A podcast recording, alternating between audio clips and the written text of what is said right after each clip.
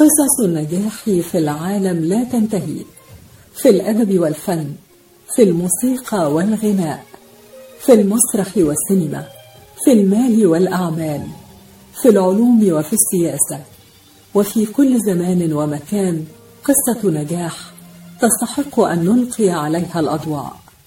ونحن معكم على راديو صوت العرب من أمريكا نقدم لكم من خلال هذا البرنامج قصة من قصص النجاح. مستمعينا الأعزاء مستمعي إذاعة صوت العرب من أمريكا في الولايات المتحدة وفي كل مكان من العالم. أهلا بكم معنا في قصة جديدة من قصص النجاح. حلقة اليوم من قصة نجاح. يسعدنا أن نقدم من خلالها رحلة أدبية متميزة. تأتينا من بلاد الحضارة الضاربة بجذورها في أعماق التاريخ. تأتينا من اليمن أو اليمن السعيد والتي تعتبر حضارتها من أقدم مراكز الحضارة في العالم القديم. يسعدنا أن يكون معنا اليوم في حلقة جديدة من حلقات برنامج قصة نجاح الأديب والروائي والقاص اليمني والعربي الكبير محمد علي عتيق عمران والمعروف بالغربي عمران. وهو أحد أدباء اليمن الذين سطروا لأنفسهم تاريخا مضيئا في عالم الأدب في اليمن. والروائي الكبير الغربي عمران حاصل على جائزتين من أهم الجوائز الأدبية في الوطن العربي.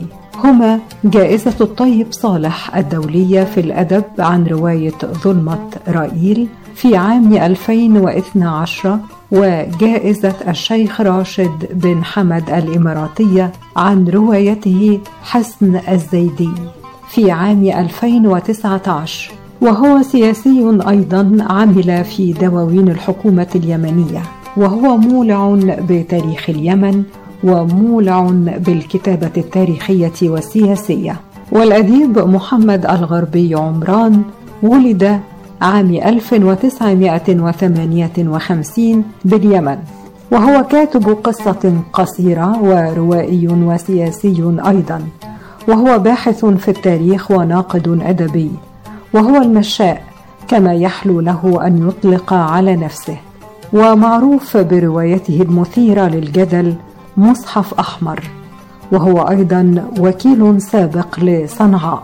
هاجر برفقة عمه طفلا إلى السودان ولم يطل به المقام أكثر من سنتين حيث عاد إلى اليمن ليكمل المرحلة الابتدائية ثم سافر إلى السعودية للعمل والدراسة ليعود إلى اليمن ليكمل دراسته الجامعية ودرس التاريخ المعاصر في جامعة صنعاء وحصل على درجة الماجستير في هذا التخصص.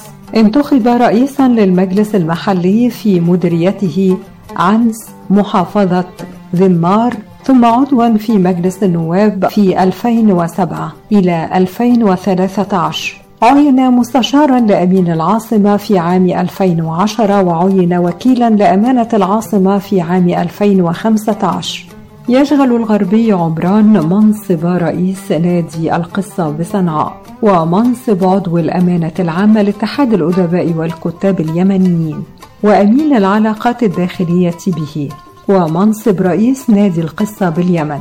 ومنصب أمين عام اتحاد البرلمانيين السابقين ومنصب رئيس مركز الحوار لثقافة حقوق الإنسان. شارك الغربي عمران في العديد من المهرجانات والملتقيات الروائية والقصصية داخل الوطن العربي وخارجه. كتب خمس مجموعات من القصص القصيرة بدءا بالشراشف في عام 1997 ترجمت قصصه إلى اللغتين الإنجليزية والإيطالية. قدم الغربي عمران لمكتبة الرواية العربية عددا مهما من الروايات التي يمتزج فيها الخيال بالتاريخ والسياسة والتراث الشعبي. واتسمت أعماله بالجرأة والخروج عن المألوف ويبحث في أعماله عن الحرية والمساواة والسلام. وكانت أعماله دائما مثيرة للجدل ومثيرة للتساؤلات.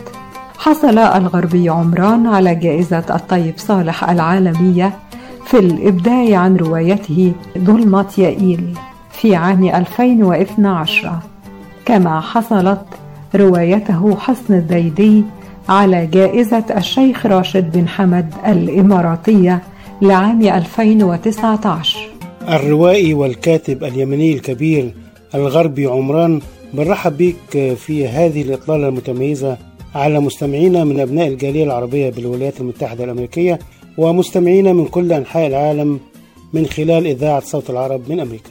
بداية اسمح لي أن أعبر عن سعادتي بهذه الفرصة التي تتيح لي أن أتحدث أو أن أجاوب على أسئلتك.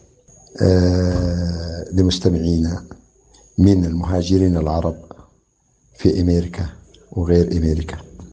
قبل أن نبدأ هذه الرحلة اسمح لي يعني بشكل شخصي كده آه، الاسم آه، استوقفني الغربي عمران. ده اسم الشهرة للأديب الكبير الأستاذ محمد علي عتيق عمران. لماذا اخترت هذا اللقب أستاذ محمد؟ أنا أصبح اسمي محمد الغربي عمران.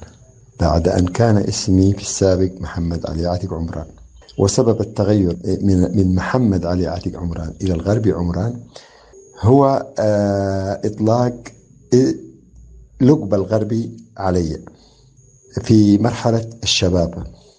هذا اللقب أو اللقب آه، أضحى هو المسيطر بديلا عن اسمي الحقيقي.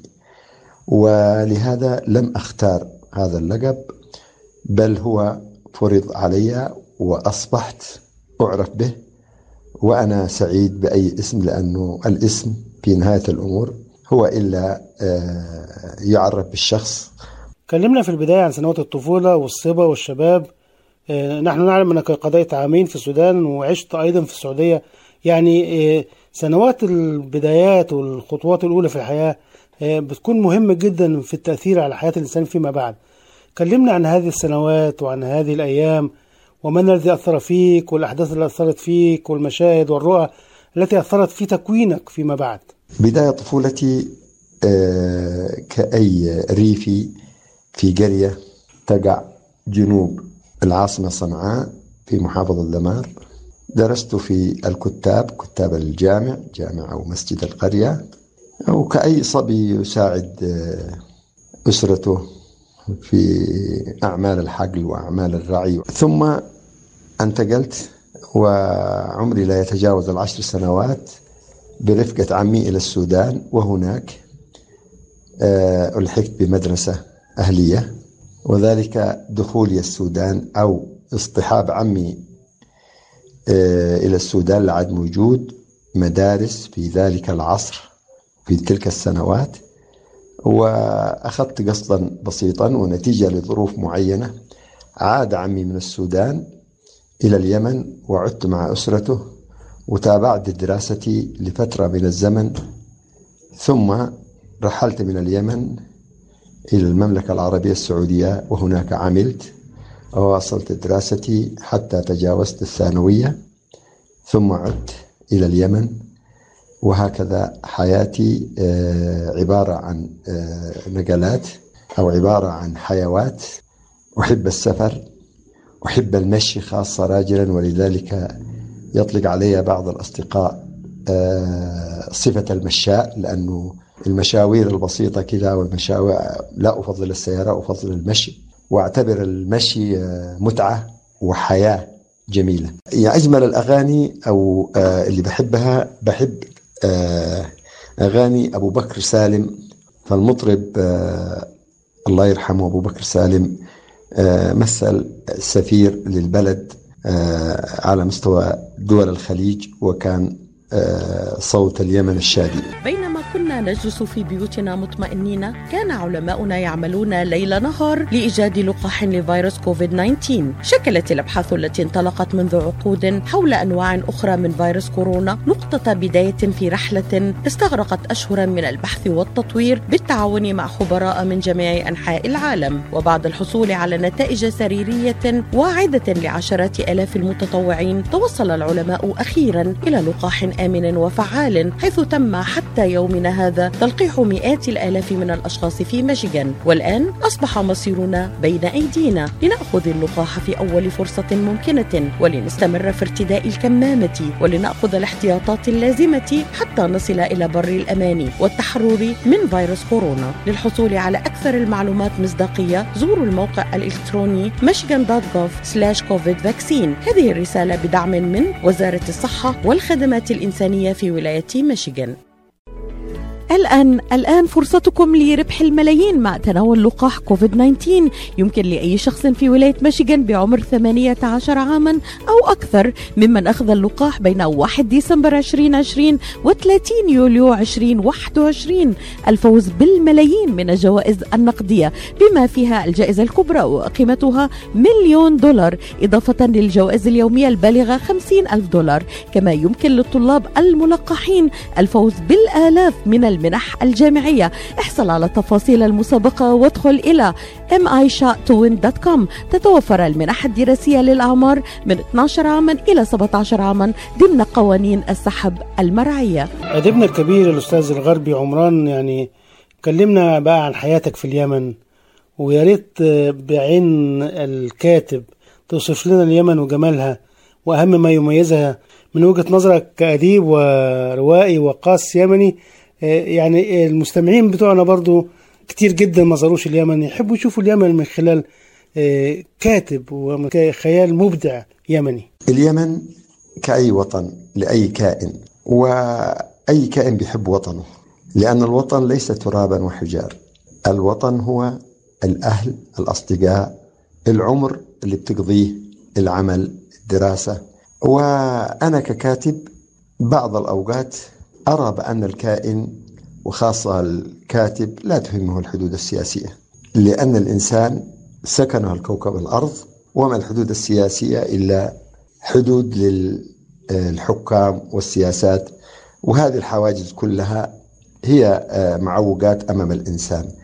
اليمن معروفة بتضاريسها وتنوع هذه التضاريس من الساحل التهامي على البحر الأحمر إلى السواحل على البحر العربي وخليج عدن إلى الصحاري الربع الخالي إلى جبال السروات بما معناه هذا التضاريس خلق يعني تنوع في في المناخ من المناخ الحار الرطب إلى المناخ الحار الجاف إلى المناطق المعتدلة في في الجبال. هذا التنوع أيضا خلق أو أوجد غطاء نباتي مختلف. فطوال السنة تجد الفاكهة متوفرة الحبوب متوفرة نتيجة لتنوع المناخ من منطقة لمنطقة وتنوع التضاريس من منطقة لمنطقة وبالضبط اليمن جميلة واليمن رائعة لولا هذه الحروب اللي تجعل من الإنسان ينشغل أو يجذبها القبح عن السلام وعن البناء وعن التحضر. بالتأكيد اتجاهك لدراسة التاريخ عندما التحقت بالجامعة ثم مواصلتك بعد كده السير في نفس هذا الاتجاه في دراسة الماجستير وحصولك على الماجستير في التاريخ كان له أسباب. نحب نعرف هذه الأسباب في ذلك الوقت. دراستي للتاريخ جاءت عن حبي للتاريخ وحكاويه. كثير ما نسمع عن عظماء صنعوا التاريخ ومثل إسكندر المقدوني أيضا في الحضارة الفرعونية هناك ملوك عظام في الحضارة الأشورية أيضا الحضارة اليونانية. هذا كله يمكن ربما لأننا قارئ كويس أو قارئ نهم جعلني أحب أن أتعمق في التاريخ. وهو ما قادني أيضا التاريخ وحكاياته إلى أن أكون حكاء. لأنه دراستي للتاريخ كشفت لي أشياء كنت أجهلها قبل. وتتلخص في أن ما هو مكتوب أو معظم ما كتب في كتب التاريخ هو تاريخ للمتسلطين أو سير للطغاة. لا تتم بصلة إلى يعني تاريخ الشعوب والتاريخ المجتمعات. فهذا التاريخ أيضا أفادني في هذه الناحية اللي هي الناحية الأدبية أن أنظر إلى التاريخ وما يصنعه الطغاة من تواريخ زائفة. فالتاريخ ممتع والتاريخ يمنحك عبرات كثيرة ويجعلك تتعرف على الشعوب من خلال تاريخ. المتتبع لأعمال كاتبنا الكبير الغربي عمران بيجد أنه مولع بالتاريخ عاشق للغوص في أعماقه. كيف تستطيع المزج بين التاريخ والواقع التاريخية من جهة وبين خيال الكاتب والأديب من جهة أخرى لتحقيق المعادلة الصعبة كي تقدم عملا أدبيا ممزوجا بطعم التاريخ فيما يعرف بالرواية التاريخية؟ وليس عملا تاريخيا مجردا. أنا في رواياتي لا أكتب تاريخ. كما ذكرت في إجابتي السابقة أنا أقرأ التاريخ وأبحث ما لم يذكر يذكر ما بين السطور. أستنتج لأكتب تاريخ خاص بي متخيل لم تذكره كتب التاريخ. آه ولذلك أصنع من آه شخصياتي شخصيات آه غير موجودة تاريخيا. أضعها في متن الحدث لأوهم القارئ بأننا أكتب الواقع والحقيقة وفي الحقيقة أنا لا أكتب تاريخ بل أستند إلى التاريخ وإلى العصر وإلى لغته وإلى أجواءه وإلى ذكر بعض شخصياته.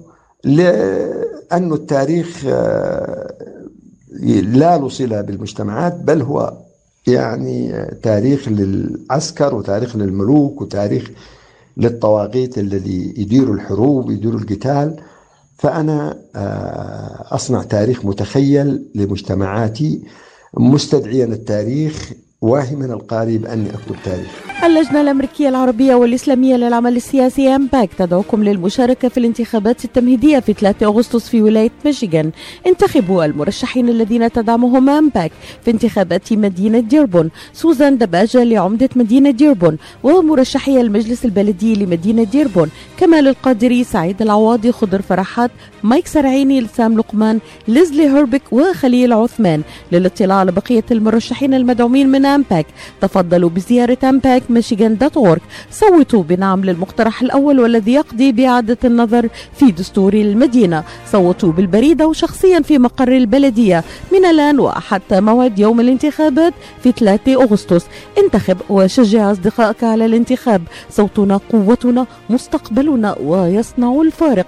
هذا الإعلان مدفوع من قبل اللجنة الأمريكية العربية والإسلامية للعمل السياسي أمباك. تحس إنه إيديك عم تنمل أو كتفك عم يجمد أو أصابعك عم تورم وما عم تقدر تشتغل فيهم مثل ما بتريد. مرحبا أنا الدكتور عبد المجيد قطرنجي. زورونا بموقعنا الإلكتروني www.kachanjihandcenter.com لتتعرفوا على كيفية العلاجات لإصابات اليد والكتف والكوع. وإن شاء الله تقدروا تشاركونا بافتتاح مركزنا الجديد في تروي ميشيغان ونتمنى لكم العفو والعافية. للمواعيد زورونا في عيادتنا الواقعة على 1565 في مدينة تروي البناء F أو اتصلوا بنا على الرقم 248-869-4263 That's 248-869-4263 الأديب الكبير الأستاذ الغربي عمران أنت لست أديبا وروائيا وقاصا ولكنك أيضا سياسيا فقد شغلت عدة مناصب سياسية وحكومية في اليمن.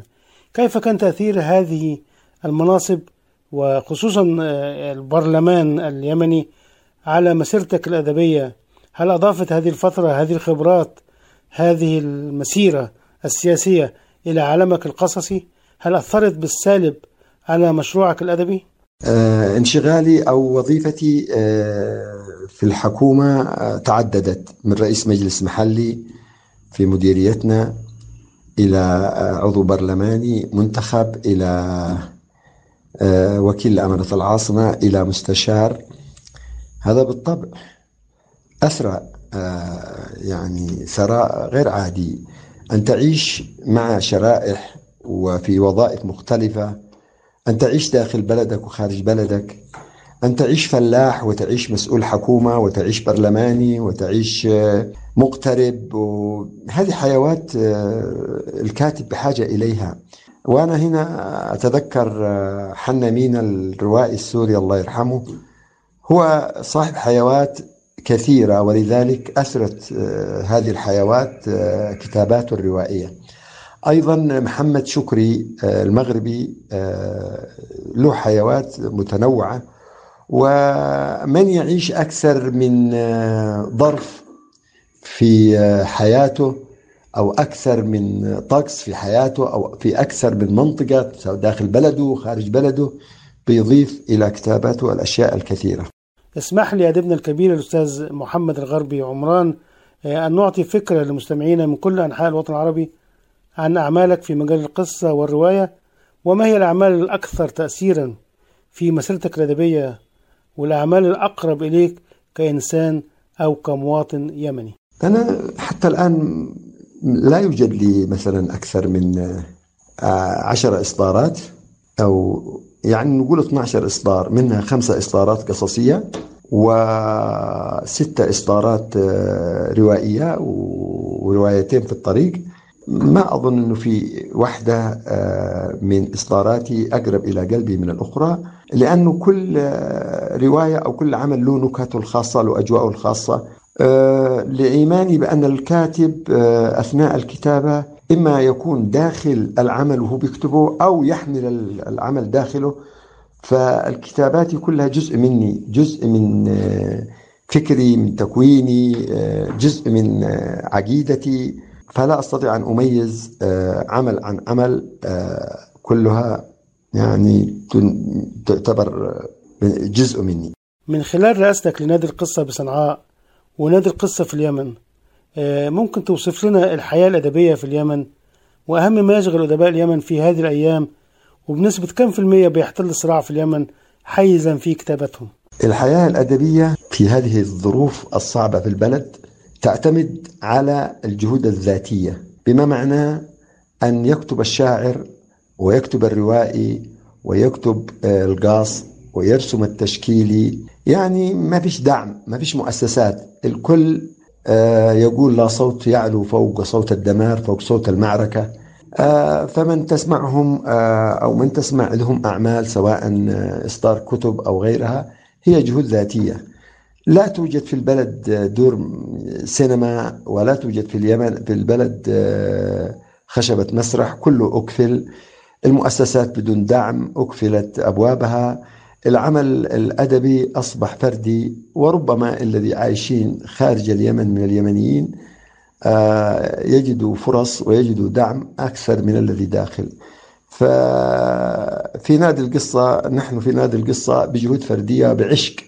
لا دعم آه، لنا من أي اتجاه لكن دعم أعضاء القصة أعضاء النادي وبجهودهم بأعمالهم بلقاءاتهم. والغريب آه، أنه ندوات نادي القصة تقام كل أربعاء والغريب أنه حضور كبير. يعني آخر ندوة أو آخر فعالية كانت آه، حول جائزة محمد آه، الأستاذ محمد الربادي الله يرحمه. الحضور تجاوز مئة آه، يعني مدعو والقاعة كانت لا تتسع لكل هذا الحضور والجميع يستغرب أنه في زمن الحرب الناس تتوق للمحبة للتلاقي للسلام رغم الخطورة في التنقل ورغم يعني ضيق المعيشة والضائقة المالية إلى أن يعتبر الإبداع متنفس. وإن كانت السلطات آه، يعني منصرفة إلى ما هو أبعد من المحبة والسلام.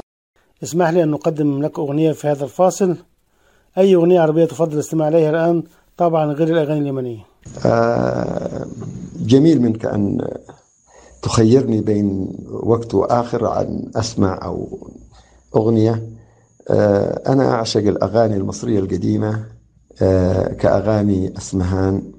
آه، سيد درويش. أيضا أغاني أم كلثوم الأولى وهي صبية. مرحبا سعيد. أهلا علا. ليش هالمقابلة الفاترة هي بيقول المثل لاقيني ولا تغديني. يمه زعلتي. شنو رأيك إذا لقيتك وأيضا غديتك بأحسن مطاعم ميشيغان مطعم عشتار والله فكرة. أفضل الأطباق والمقبلات العربية والعراقية وأحلى ملقا ولا تنسين اللحوم الطازجة مباشرة من ملحمة عشتار لزباين عشتار. وملحمة عشتار توفر اختيارات متنوعة من كافة أنواع اللحوم وبأسعار متميزة وجودة أيضا مميزة. ملحمة عشتار تقع على 36865 Ryan Road في مدينة مدينة ستيرلينغ هايت وأكيد أحلى لمة. وأطيب لقمة في مطعم عشتار اللي عنوانه 3625 15 Mile Road في مدينة ستيرلينغ هايت. هاتف 586-698-2585 586-698-2585 يلا علا. يلا عشتار للجودة وكرم الضيافة عنوان. مطعم عشتار. توفر أكاديمية نيو دون لأطفالك منهجا غنيا بالعلوم والتكنولوجيا والهندسة والرياضيات نريد أن يختبر الطالب حقا كيف يبدو حل المشكلات وماذا يعني بناء الأشياء معا. وهذه المهارات التحليلية هي ما يجعل برنامج نيو دون فريدا جدا. المدرسة توفر مبنى جديد مزود بأحدث سبل الراحة. New Dawn Academy مدرسة مجانية في ستارلينغ هايتس. سجل الآن. 855 800 7836 أديبنا الكبير الأستاذ الغربي عمران. لماذا تثير رواياتك الجدل دائما؟ حدث هذا مع رواية مصحف أحمر التي صدرت عام 2010 ثم ظلمة يائيل. كلمنا عن رواية مصحف أحمر والرسالة اللي بتحملها ولماذا منعت من النشر في الدول العربية؟ رواياتي قد تجني عليها آه، عناوينها. يعني مصحف أحمر مجرد آه، ما يقرأها القارئ يلتبس بين القرآن الكريم وعنوان هذه الرواية.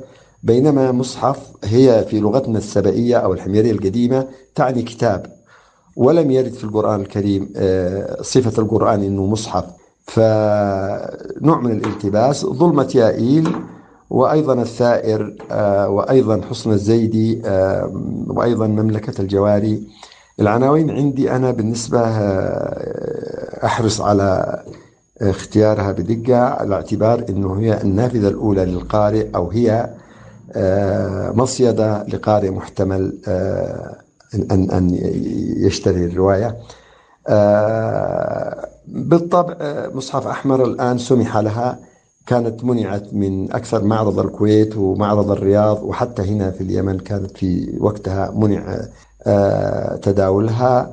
وأخيرا طبعت في القاهرة وأضحت تشارك آه، في آه، المعارض. وأنا سعيد بهذا وجميع رواياتي ماشية تمام وتقرأ بشكل جيد ويتناولها ال- النقاد والبعض يعني يعتمدها كأبحاث. للحصول على الماجستير والدكتوراه في الجامعات وهذا يسعدني. رواية ظلمة يائيل التي فازت بجائزة الطيب صالح العالمية للإبداع واللي بتتناول فيها الصراعات المذهبية والطائفية في اليمن في الماضي. هل هي كانت تنبؤ بما يحدث في اليمن الآن من صراعات مذهبية بدأت في 2014 أي بعد كتابة رواية بعامين فقط؟ وهل هي إسقاط على الواقع المعاصر وعلى الصراع المذهبي في اليمن هذه الأيام؟ آه، روايتي آه، ظلمة يائيل الصادرة عن الهيئة المصرية العامة للكتاب. كبقية الروايات آه، قد تجد في رواياتي اهتمام بدرجة أولى تقريبا ثلاثة عناصر. العنصر الأول هو الصراع الديني. العنصر الثاني مكانة المرأة ووجودها في المجتمع. ودائما ما تأتي النساء في رواياتي قويات مبادرات. الجانب الآخر أو الثالث هو وصف تعتبر آه، رواياتي آه، وصفية خاصة للمكان. ولذلك آه، أطلق عليها الدكتور شاكر خصبك بالرواية الجغرافية. ظلمة يائيل من يقرأها يكتشف هذا الجانب فيها. فأنا كما ذكرت لك سابقا أستدعي الماضي كي أعري الحاضر. لأنه نحن اليوم أبناء الأمس. وما يدور أو ما دار في بالأمس نحن نتاجه وما يدور اليوم هو نتاجه.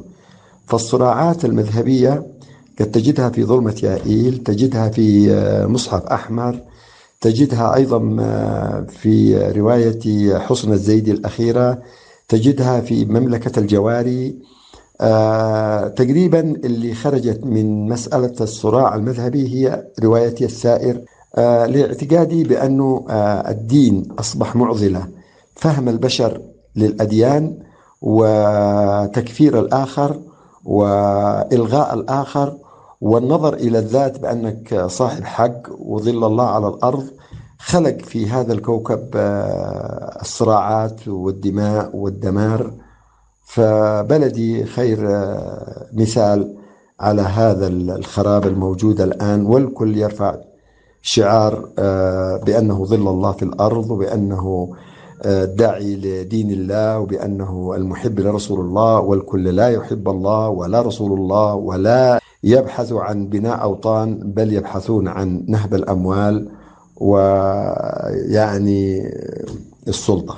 رواية حسن الزيدي التي حصلت على جائزة الشيخ راشد بن حمد الإماراتية عام 2019 هي أيضا من الروايات التي تغوص في أعماق التاريخ وتتناول الصراعات السياسية وأثارت أيضا جدلا عند صدورها. نريد أن نتعرف على هذه الرواية عن قرب من كاتبها. حسن الزيدي الأخيرة حازت على جائزة الشيخ راشد بن حمد في الإمارات وأيضا أعلن بأنها ضمن القائمة القصيرة لجائزة محفوظ نجيب محفوظ الأديب العربي الكبير المسابقة اللي تنظمها الجامعة الأمريكية في القاهرة. هي أيضا تغوص في المجتمع اليمني. تعبر عن الصراع بين المذاهب وأيضا التحالف القبلي الديني. البلد لا زال تتقاسمها القبائل. وهكذا ستجد رواياتي تتعمق في التاريخ اليمني في المجتمع اليمني في هموم البلد.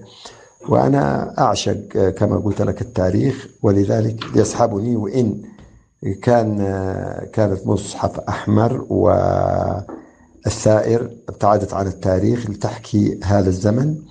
أيضا لي رواية الآن ستصدر بتتكلم عن الحرب في البلد وكوارث الحرب. أديبنا الكبير الأستاذ الغربي عمران حضرتك حصلت على جائزتين مهمتين في مسيرتك الروائية جائزة الطيب صالح العالمية وجائزة راشد بن حمد الإماراتية كيف تمثل الجائزة للأديب؟ وهل قادتك هذه الجوائز إلى تغيير شكل الكتابة أو التأني أكثر في الكتابة؟ آه الجوائز حتى الآن هي ثلاث الأولى على آه ظلمة يائيل وهي حصلت على جائزة الطيب صالح الثانية هي آه جائزة كتارة لرواية ملكة الجبال العالية ولأنها نشرت قبل الحفل بشهر حجبت بعد ذلك حضرنا الحفل واستلمنا الدرع وليلتها أثيرت على صفحات التواصل الاجتماعي بأن هذه الرواية قد طبعت وكانت الشروط شروط المسابقة أن لا تكون قد طبعت. وللأسف طبعت فتم حجب الجائزة بعد 15 يوم من نيل الرواية. وجائزة راشد بن حمد اللي منحت لحسن الزيدي الجوائز في تصوري تعتبر تكريم للأدب تكريم للفن إعلاء إعلاء شأن هذا الجانب الإنساني اللي يقابل مقابل الفن والسلام والمحبة تقابلها الحروب والدمار والمؤامرات. لست مع من يبحثون عن سلبيات الجوائز لأنه أكيد القائمين عليها بشر ولهم هفواتهم.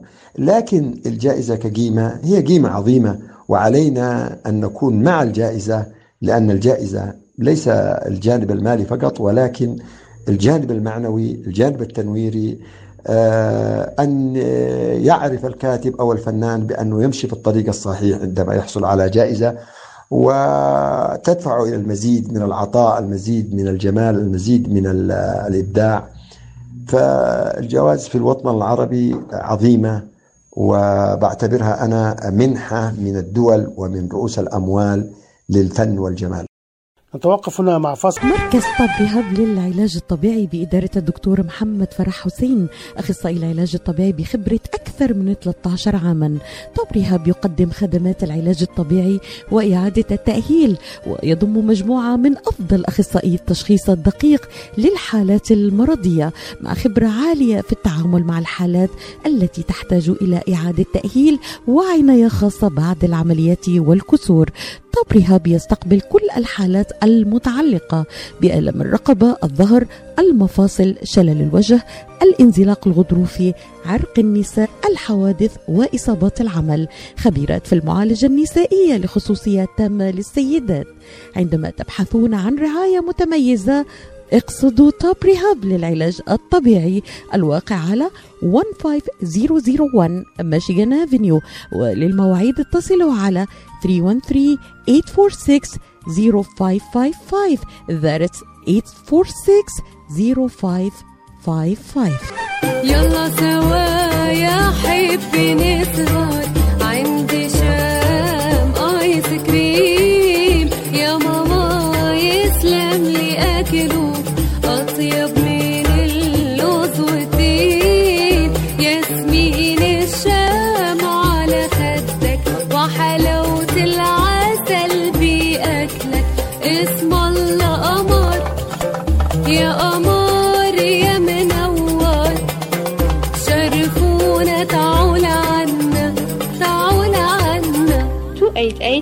Orchard Lake مدينة فارمينغتون هيلز أو اتصلوا على 248-516-3130 الأديب الكبير الأستاذ الغربي عمران كيف ترى شكل الكتابة في زمن كورونا؟ وهل ستنتج هذه الجائحة أشكالا جديدة من الكتابة؟ وهل تفكر أنت شخصيا في كتابة رواية عن هذا الوباء العالمي في المستقبل القريب؟ في زمن كورونا أنا بتصوري هذا ال- الجائحة خلقت تفكير وغيرت تفكير الإنسان آه، يعني مش في قطر محدد ولا قارة محددة لا. أنا بعتبر أنه آه، سكان كوكب, الأرض إذا أردنا أن نتحدث فهناك وضع ما قبل كورونا ووضع ما بعد كورونا. كورونا آه، جعلت العالم وكل البشر أن يدركوا بأنهم على قارب واحد. وبأنه آه، وحتى الآن آه، إن لم نتغلب على هذه الجائحة وتغلبت علينا تنتهي البشرية نهائيا. فكورونا آه، ستغير الفن سيغير تغير ال- ال- الفكر ستغير الأدب ستغير جميع المناهج. والأدب في تصوري من يكتب الآن يعني لن يأتي بعمل يعني ناضج ولكن سيأتي فيما بعد تمر السنوات.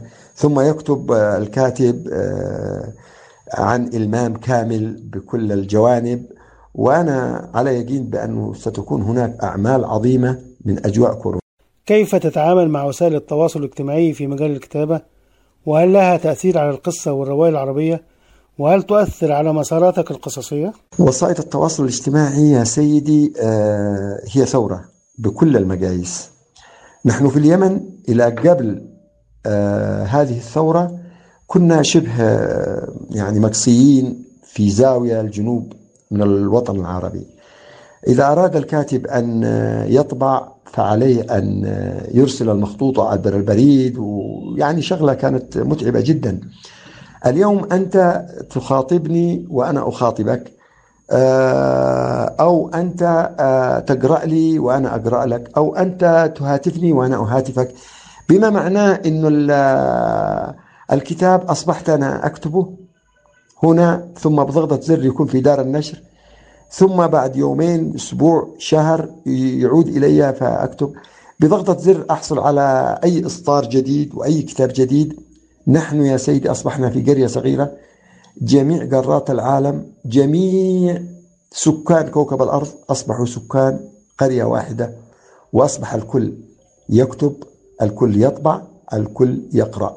اسمح لي في النهاية أديبنا الكبير أن أترك لك الميكروفون لتتحدث إلى الجالية العربية وخصوصا الجالية اليمنية الموجودة في الولايات المتحدة حديث الحب حديث الأخوة حديث السلام. أنا أشكرك إلى هذه الدعوة. أشكر دعوتك الكريمة أن أتكلم إلى كل مهاجر عن وطنه وأقول بأن كوكب الأرض هي أرضنا فأينما حللت أنت في وطنك؟ صحيح بأن ال- الوطن هو من تحمل آه، جنسيته ومن تحمل هويته ومن تحمل آه، بداخلك طفولتك آه، التي نمت فيه. ولكن يظل الإنسان أينما هو عليه أن يعيش سعيد عليه أن يحقق ذاته. وأتمنى أيضا من المهاجرين أن لا يوسوا أوطانهم وبالذات القادرين على إنشاء الجوائز أو آه، يعني إصدار الكتب أو المجلات أو الصحف سواء الإلكترونية أو غيرها بما معناه أن يظل جسر التواصل بيننا وبينكم بين المهاجر اليمني كما صنع الشيخ آه، النزيلي بتأسيس جائزة الربادي مشكور آه، جائزة ترعى الشباب في مجال القصة. آه، وأنا على يقين أنه آه، كل ال- المهاجرين العرب خيرين آه، ودائما نتابع أخبارهم وكثير من آه، أخواننا في مصر آه، من مصر آه، مهاجرين خارج البلد عطوفين على بلدهم ويقدموا الكثير سواء في المجال الصحي أو المجال العلمي أو المجال الأدبي. وكثير من أبناء الشام أبناء آه، المغرب أبناء آه، السودان وأبناء العراق الكل أتمنى دائما أن يظل آه، لأوطانهم ومجتمعاتهم نصيب مما يجنون خاصة المقتدرين. وأتمنى لهم الخير. في نهاية هذا اللقاء آه، نتوجه بالشكر والتحية إلى ضيفنا الكبير الأديب والروائي والقاص اليمني الكبير الأستاذ الغربي عمران والذي أسعدنا اليوم بإطلالته المميزة على مستمعينا في الولايات المتحدة وفي كل أنحاء العالم. من خلال قصة مميزة من قصص النجاح. شكرا جزيلا ولك منا كل الأمنيات الطيبة بدوام الإبداع والتألق في مجال الرواية والقصة والكتابة الأدبية. شكرا لك أخي الكريم. لقد أدهشتني بتنوع أسئلتك. شملت كل آه، مناحي حياتي. آه، سعيد بهذه المقابلة. وأرجو أن تسامحني على آه، تعبك. شكرا جزيل وأحمل هذا الجميل في قلبي دائما. والله معك. شكرا لكم مستمعينا الكرام وإلى اللقاء مع حلقة جديدة وقصة جديدة من قصص النجاح. قصة نجاح من أعداد وتقديم مجدي فكري.